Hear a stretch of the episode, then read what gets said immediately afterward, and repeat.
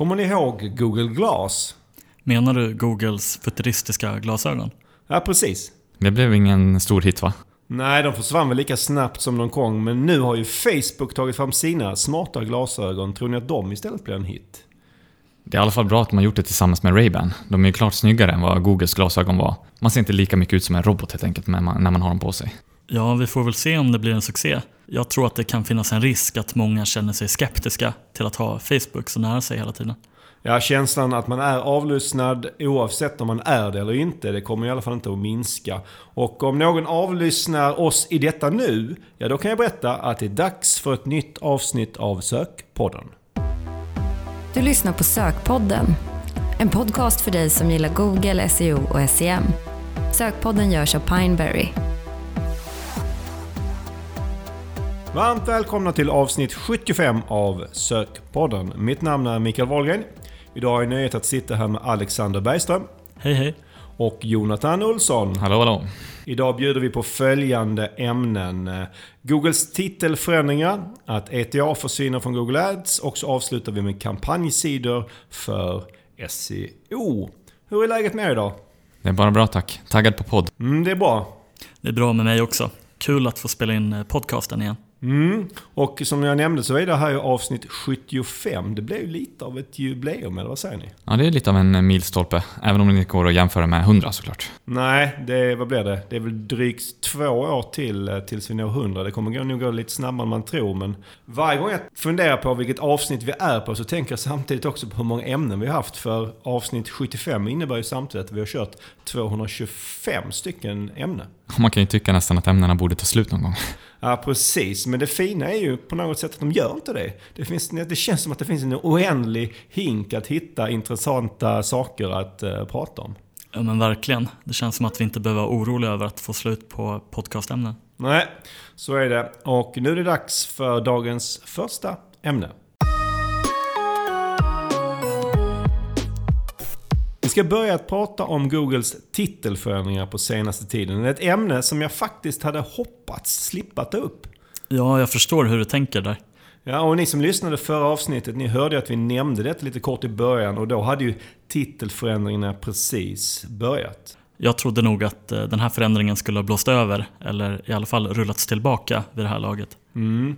Eh, Ståhejet kring titelförändringen fortsatte och fortsätter även om Google faktiskt var ute och snackade lite om att de hade backat i, i fredags. I alla fall delvis backat som vi kommer att återkomma till. Och vissa dagar har det ju känts som att titelförändringarna är det enda som SEO handlar om just nu. I alla fall det enda som det skrivs om på Twitter.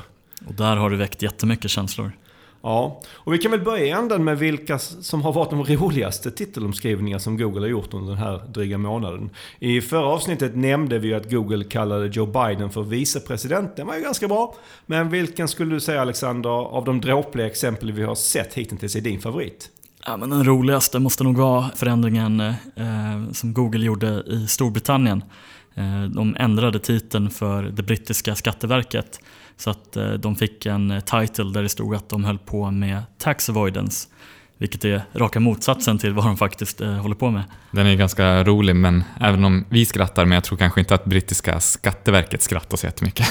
Nej, sannolikt inte. Och varför håller Google på med att ändra sajters sidtitlar på det här sättet? Är det inte mer eller mindre samma anledning som att de plockar bort expanded text ads? Eh, vi, vi kommer prata om det senare, nästa ämne. Men det vill säga att de tycker att de gör det här bättre än sajtägarna själva så att säga. Ja, det här att Google själva bestämmer eh, i allt högre utsträckning eh, vad som ska synas, det är ju en trend som funnits ett bra tag faktiskt. Jag tänker även på hur de har gjort med meta descriptions tidigare till exempel. Mm. Och det är ingen tvekan om att branschen som helhet tycker att Google lyckats dåligt med titelförändringarna. Vad är din syn Alexander? Jag upplever att när Google ändrar titlarna så blir de antingen ungefär lika bra som innan eller kanske till och med lite sämre. Jag kan inte säga att jag sett exempel där jag tänkt att titeln blivit bättre. Men det är möjligt att det är någonting som man undermedvetet mest fokuserar på vid en sån här förändring. Att man fokuserar på det som har blivit sämre. Ja, så kan det verkligen vara. Men min uppfattning är också att uppdateringen generellt sett gjort titlarna sämre. Eh, och jag har ju sett flera exempel på där CTR och då indirekt i nästa led intäkter sjunkit rejält på grund av att Google skrivit om eh, titlarna. Eh, Men även här kan det ju vara så att det blir mest de negativa exemplen som lyfts fram. Vad säger Google själva då? Alltså fram till fredag så hade de inte sagt så jättemycket förutom att de hade sagt lite på Twitter att de tar till sig av feedbacken. Vad var det de sa i fredags då? Vad var det helt enkelt de sa att de skulle agera på från den här feedbacken som har kommit? Ja, i fredags så publicerade de en uppdatering där de eh, gick in lite på hur de har tagit åt sig av feedbacken och nu har de uppdaterat hur de skriver om titlarna. De har tweakat lösningen helt enkelt. Ser du något bättre resultat av tweaken så att säga? Alltså jag har själv inte riktigt hunnit kolla nu i och med att den kom sent i fredags eftermiddag. Men eh, jag såg att Barry Swartz gjorde en undersökning på Twitter där han frågade SEO-branschen om de tyckte att det hade blivit bättre eller sämre efter eh, tweaken. Och det var ett antal hundra personer som hade svarat. Och 85% ish hade svarat att det inte, eller de tyckte att det inte hade blivit eh, bättre. Det kanske är en banal fråga, men hur ofta skriver Google om titlarna då? Ja, men det är en bra fråga och faktiskt någonting som Google också nämnde i samma uppdatering från i fredags. Då sa de att eh, de hade gått från att skriva om det i 20% fallen till att nu efter tweaken bara skriva om det i 13% av fallen. Jag vet inte, jag tycker det känns lite lågt, men det kanske är att man har inbillat sig eller sett att eh, det skrivs om mer än det faktiskt görs. För att jag upplever att 20% som det var innan känns ganska lågt. Ja, jag håller med om det och det känns som att man sett många sökresultat och särpar där majoriteten av titlarna faktiskt är omskrivna. Men eh, som du sa, det är möjligt att man övertolkar utifrån de exempel som man ser. Mm. Och vi kanske även ska säga här att det inte bara handlar om att Google väljer en rubrik och sätter den som titel. Precis. Det kan ju lika gärna vara så att man eh, tar något från eh, brödtexten eller innehållet på sidan och ibland även lägger till saker som inte finns på själva sidan. Rent språkligt tycker jag att ibland att förändringen gör att titlarna blir sämre. Det kan bli ett missmasch av stora och små bokstäver som jag är så lite allergisk mot nästan. Och ibland så blir det språkligt lite ologiskt följden som Google sätter ihop saker och ting. Men hur håller man koll på om det är en Google-ändrad titel eller om det är en manuellt ändrad titel så att säga? Det kan vara lite knepigt. Speciellt om man inte har koll på alla titlar eh, utan till. Det är svårt att göra det manuellt. Som tur är har det kommit ut olika plugins som kan eh, hjälpa en. Som visar upp helt enkelt vad den faktiska titeln är och eh, om titeln har förändrats någonting av Google i SERPen. Även verktyg som Ahrefs och andra SEO-verktyg har lagt till den här funktionen nu så att man kan se när eh, Google går in och ändrar titeln. Och om vi nu antar att man har fått sina titlar omskrivna och resultatet blivit sämre. Hur eh, gör man då? Vad gör man då för någonting? Till att börja med så kan det vara bra att säga att titelomskrivningen i sig inte påverkar rankingen utan det är någonting som Google har varit väldigt tydliga med att det inte påverkar. Ja precis, och det är ett jättebra förtydligande Alexander. För Google använder ju den faktiska titeln fortfarande för, för ranking. Om man upplever att man får sämre CTR, click-through rate, på grund av en titelförändring så är ju ett alternativ att sitta lugnt i båten och hoppas att Google rullar tillbaka det här och ändrar sig. Det andra alternativet det är ju såklart att man ändrar i titeln och helt enkelt hoppas att Google kommer att gilla den nya titeln bättre. Om man väljer det, det, det andra alternativet så säger att man ändrar titeln. Hur ska man tänka då tycker du? Ja, antingen kan man ju skriva en helt ny titel som man tycker är bra och hoppas att Google också tycker den är bättre. Alternativet är ju annars att man kollar vad Google, ja, hur de ändrar titeln helt enkelt, vad de väljer att ta med. Och sen försöka bygga en bättre titel utifrån det, utifrån vad Google verkar vilja visa upp. Har vi sett några bra exempel? Jag såg ett faktiskt från Wordstream eh, som jag tyckte var eh, eh, ganska tydligt. De hade en sida där titeln först var Free Keyword Tool, alltså titeln som de hade skrivit.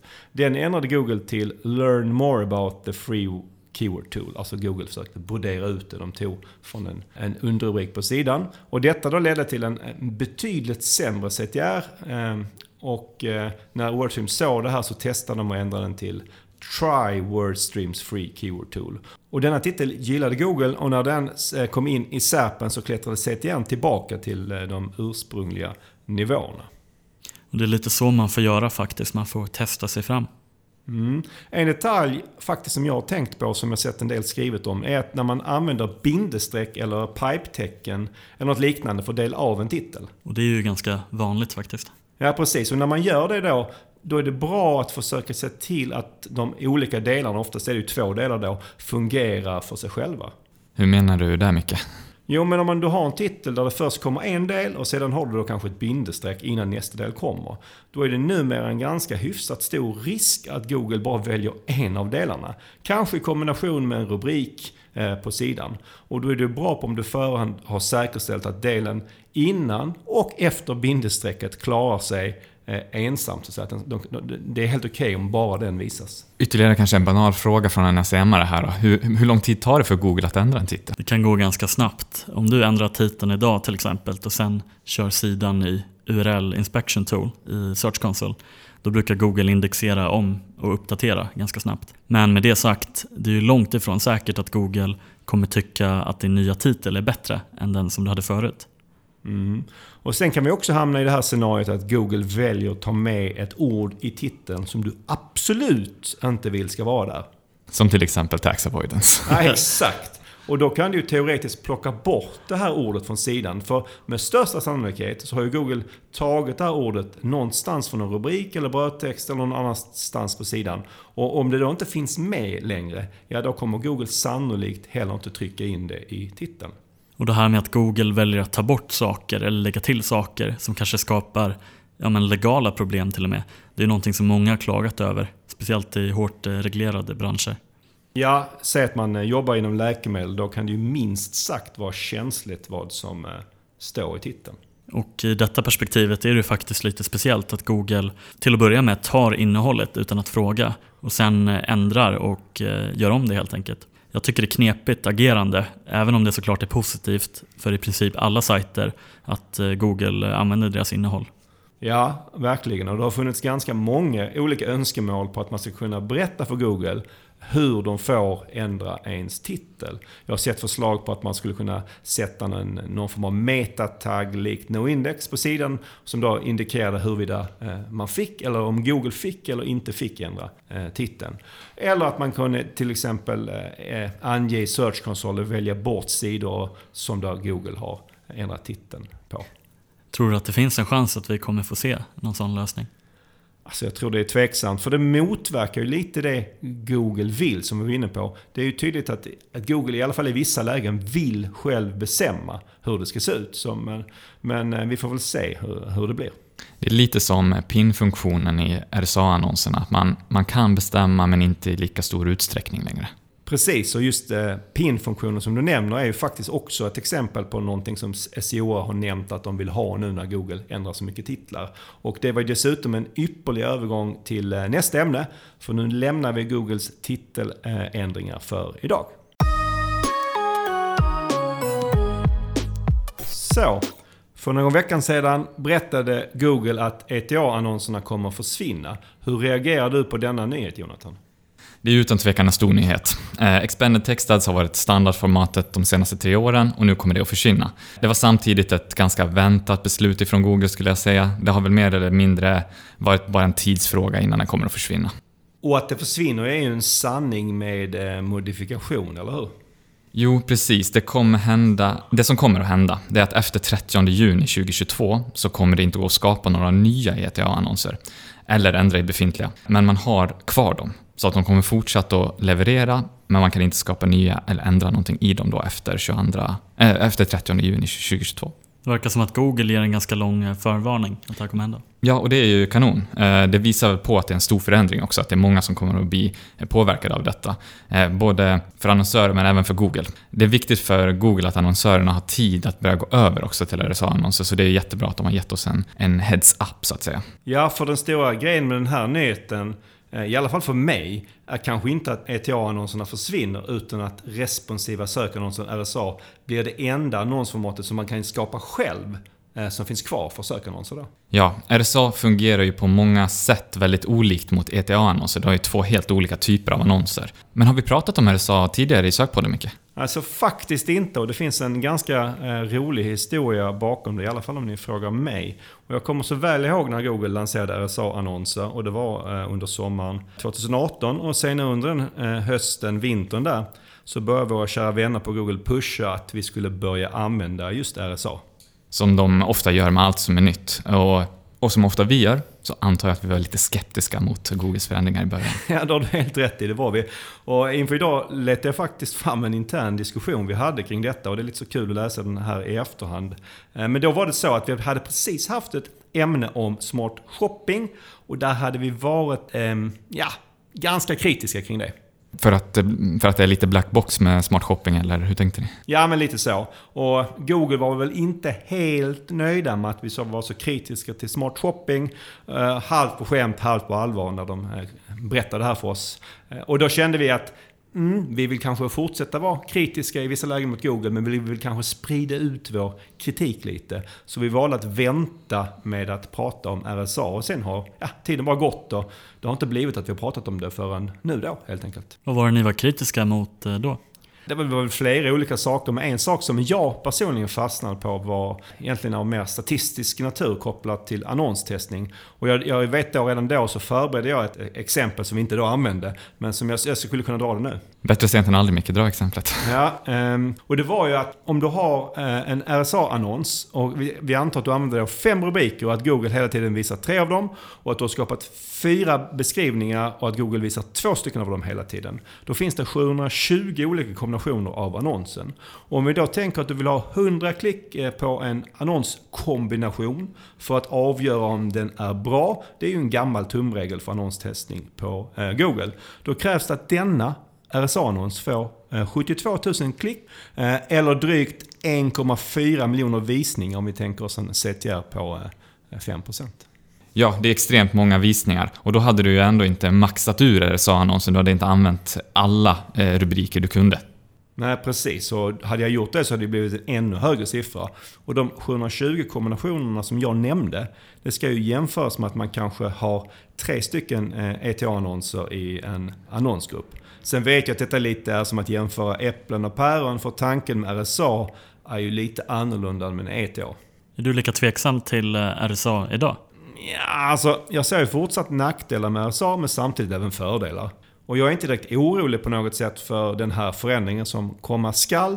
Det som kanske stör mig mest är att Google tar bort kontroll och valfrihet. Jag skulle gärna haft kvar ETA och RSA och kunna välja vilka som presterar bäst i det enskilda fallet. Ja, och det här är ju en allmän trend. Google vill bestämma mer och mer och ta mer och mer makt ifrån annonsörerna. Verkligen, och ibland känns det som att Google omyndigförklarar oss eh, annonsörer. Och säkerligen delvis med rätta. Ja, man kan ju se Googles perspektiv i det här också såklart. Varför kastar Google ut eh, ETA-annonserna? Det går helt i linje med att de vill automatisera eh, Google Ads i, i, större utsträckning såklart. Och desto mera funktioner som automatiseras, desto smartare blir maskininlärningen som, som de använder sig utav. Och de tror ju att de är bättre på att sätta ihop annonser än vad den genomsnittliga annonsören är, så eh, maskinen är smartare än människan i dagsläget då, enligt Google. Men är de det? Eh, funkar RSA bättre än ETA? Det kan vara väldigt olika från fall till fall. Vi har kört ETA parallellt med RSA under många år nu och i vissa fall så har jag sett sämre resultat och i vissa fall bättre resultat. Ska man dra någon slags skiljelinje så skulle jag generellt säga att det är bättre resultat med RSA-annonser. Mm, ja, det är min uppfattning också att de är ungefär lika bra, men om jag ska välja en så är det kanske att RSA presterar lite eh, bättre. Som vi var inne på så går det ju maximalt att ha 15 rubriker och 4 beskrivningar i en RSA-annons. Ska man maxa? Ja, det tycker jag verkligen att man ska göra. Även om man såklart kan se det på två olika sätt. Som du var inne på, ju fler kombinationer man har, desto färre visningar får varje kombination i annonsen. Samtidigt, samtidigt så visar du ju upp bättre annonser för de som söker, men du får ett sämre beslutsunderlag rent statistiskt. Ju fler kombinationer du har, desto större chans har du att Google sätter ihop en perfekt annons för just den som söker och det tycker jag är en väldigt bra eh, ståndpunkt här faktiskt. I en ETA-annons så var det ju vanligt att man såg till att sökordet var med i rubrik 1. Men kanske inte alltid i alla andra rubriker. Själv brukar jag ha med det viktigaste sökordet för annonsgruppen i flera av rubrikerna i en RSA-annons. Och det är ju för att man inte riktigt vet vilken rubrik som Google kommer välja. Hur tänker du kring detta? Jag tycker att man ska ha med sökordet i så många rubriker som man kan. Eh, så slipper man helt enkelt tumma på quality score och ad rank. Vi vill fortsätta ha hög quality score och eh, bra ad rank på våra annonser. Och jag är inne på din linje Micke också att desto fler gånger som sökordet återfinns i annonsen desto högre CTR får man om man pratar generellt här då. En annan sak som vi varit inne på är att man kan ju pinna rubrikerna och beskrivningen. Ska man göra det? Generellt skulle jag säga att man inte ska pinna. För det går ju emot hela logiken med att skapa en RSA-annons. Eh, logiken är ju att Google själv ska få välja vilken rubrik som ska vara vart. Men finns det av legala anledningar eller eh, policy, policyanledningar, eller vad man kan tänka sig, då kan man använda sig av pinfunktionen om man då vill tvinga in vissa rubriker på vissa platser. Mm. Eh, och hur många RSA-annonser ska man ha i en annonsgrupp tycker du? Vi har ju kört som tumregel att man har tre stycken ETA-annonser i varje annonsgrupp så att man alltid ABC-testar annonserna. Men när det gäller RSA så skulle jag säga att så länge du har maxat och har tänkt till kring rubrikerna. Du har maxat rubrikerna, du har maxat beskrivningarna. Då räcker det med en RSA-annons i varje annonsgrupp. Ja, för annars om du har många RSA-annonser i en annonsgrupp så sprider du bara ut visningarna ännu mer och då blir det ju ännu svårare att dra någon eh, form av slutsatser. Och just det här att dra slutsatser är ju de, en av de negativa sakerna som jag ser med RSA. Att det är svårare att optimera. Man får alldeles för lite feedback från Google kring annonserna. Precis. För, för det första så krävs ju cirka 5000 exponeringar under 30 dagar för att du ska kunna se något överhuvudtaget. Om du väl kommer upp i den volymen så är det ofta ändå du står ofta ändå kvar i inlärningsfasen på en rubrik. Eh, så det är långt ifrån alltid du kan få bra feedback som du kan agera på här. Hur kommer det sig att det är så? Varför vill inte Google ge annonsörer bättre data? Det är en bra fråga. Och nu spekulerar jag bara, men det finns ju två alternativ här skulle jag säga. Det första handlar om brist på data, som vi har varit inne på. Med tanke på att antalet kombinationer som finns så blir det inte tillräckligt med data för att kunna säga någonting om kombinationen. Det andra alternativet är kanske till och med mer konspiratoriskt och det är att Google vill att vi inte ska agera själva utan att vi ska låta maskinen bestämma. 30 juni eh, 2022 är ju en bit bort men som sagt tiden brukar gå ganska fort. Hur ska man hantera övergången till RSA? Ska man skapa så många ETA-annonser som möjligt så man har dem så att säga när det inte går att skapa fler? Ja, jag tänker nog att det är bättre att redan nu börja satsa på att skapa RSA-annonser om man inte redan har gjort det och köra dem parallellt med sina ETA-annonser och försöka få dem att prestera lika bra som ETA-annonserna. Då har man, en bra utgång, har man ett bra utgångsläge inför nästa sommar. Ser du någon risk med att fortsätta med ETA-annonser efter den 30 juni nästa år? Ja, inte någon eh, större risk så egentligen. Om dina, om dina ETA-annonser ser ut att prestera bättre hade jag fortsatt med dem. Men jag tror inte att Google kommer att ta bort dem för det skulle vara en otroligt stor förändring och vi kommer nog inte att se det under en överskådlig framtid. Det kommer kosta Google för mycket helt enkelt. Men med det sagt så tror jag att det är en bra investering att redan nu börja jobba med sina RSAs. Eh, och du har ju som sagt ett helt år på dig. Mm, bra tips, tack för det. Och där avslutar vi ämnet om att ETA-annonserna försvinner från Google Ads och går vidare till dagens sista ämne. Nu ska vi prata om kampanjsidor och SEO. Det var ditt förslag på ämne Alexander. Ja, precis. Idag när vi spelar in där så är det 65 dagar kvar till Black Friday och sen har vi ju även julhandeln runt hörnet. Så ett eh, väldigt aktuellt ämne. Ja, om vi börjar där. Är det för sent att optimera sina kampanjsidor inför, eh, säg, Black Friday? Nej, det tycker jag inte. Sen är det klart att det är viktigt att börja i tid och SEO tar ju också tid, eh, som ni säkert vet. Sen beror det på vilken sajt som det är vi pratar om.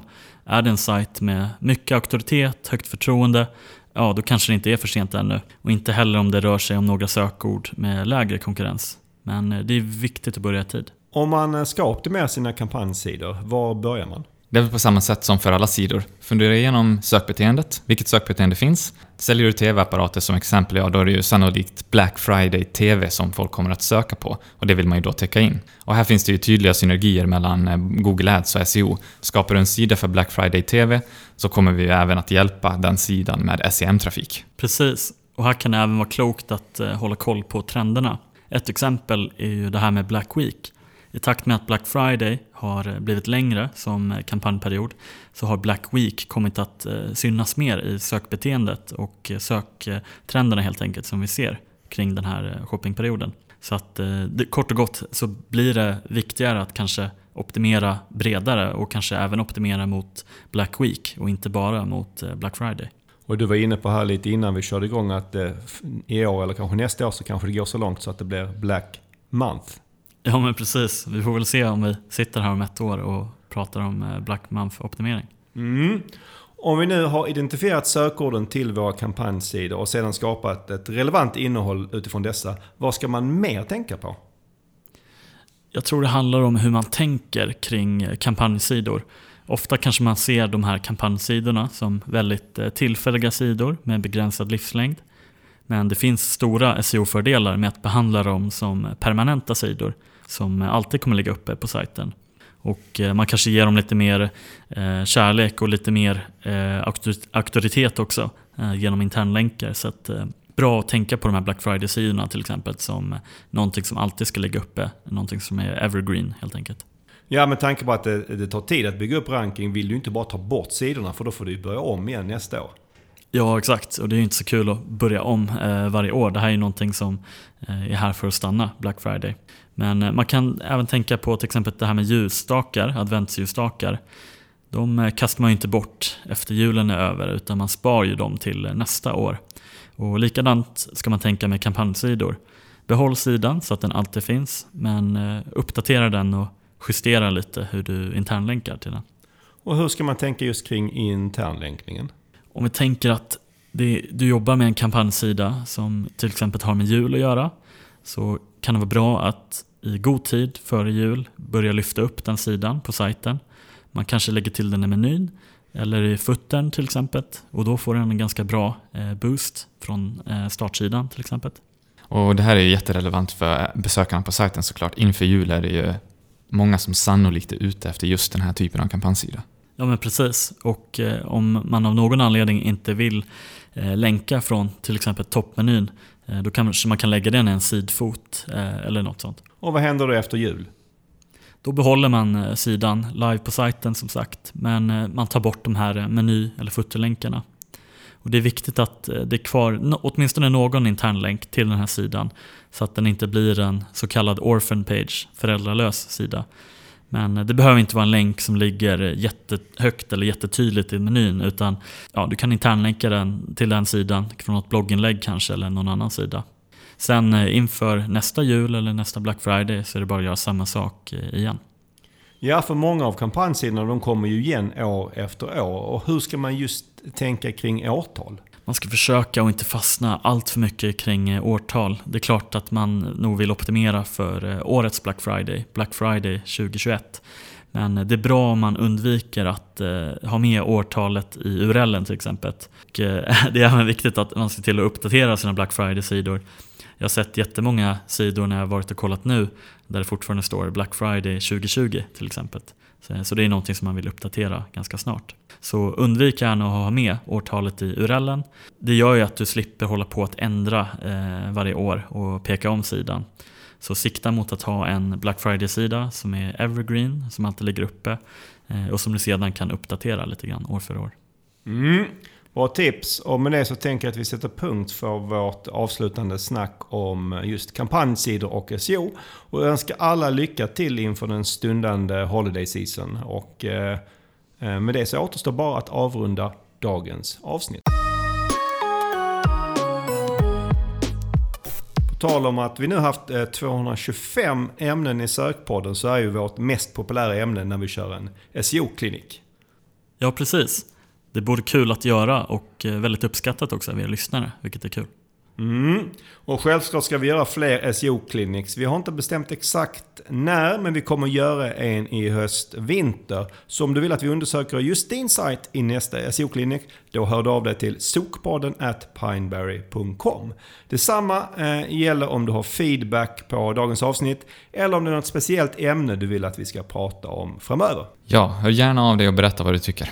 Vi är väldigt glada för att du har lyssnat idag. Ta hand om dig så hörs vi igen om en månad. Tack för idag. Tack och hej.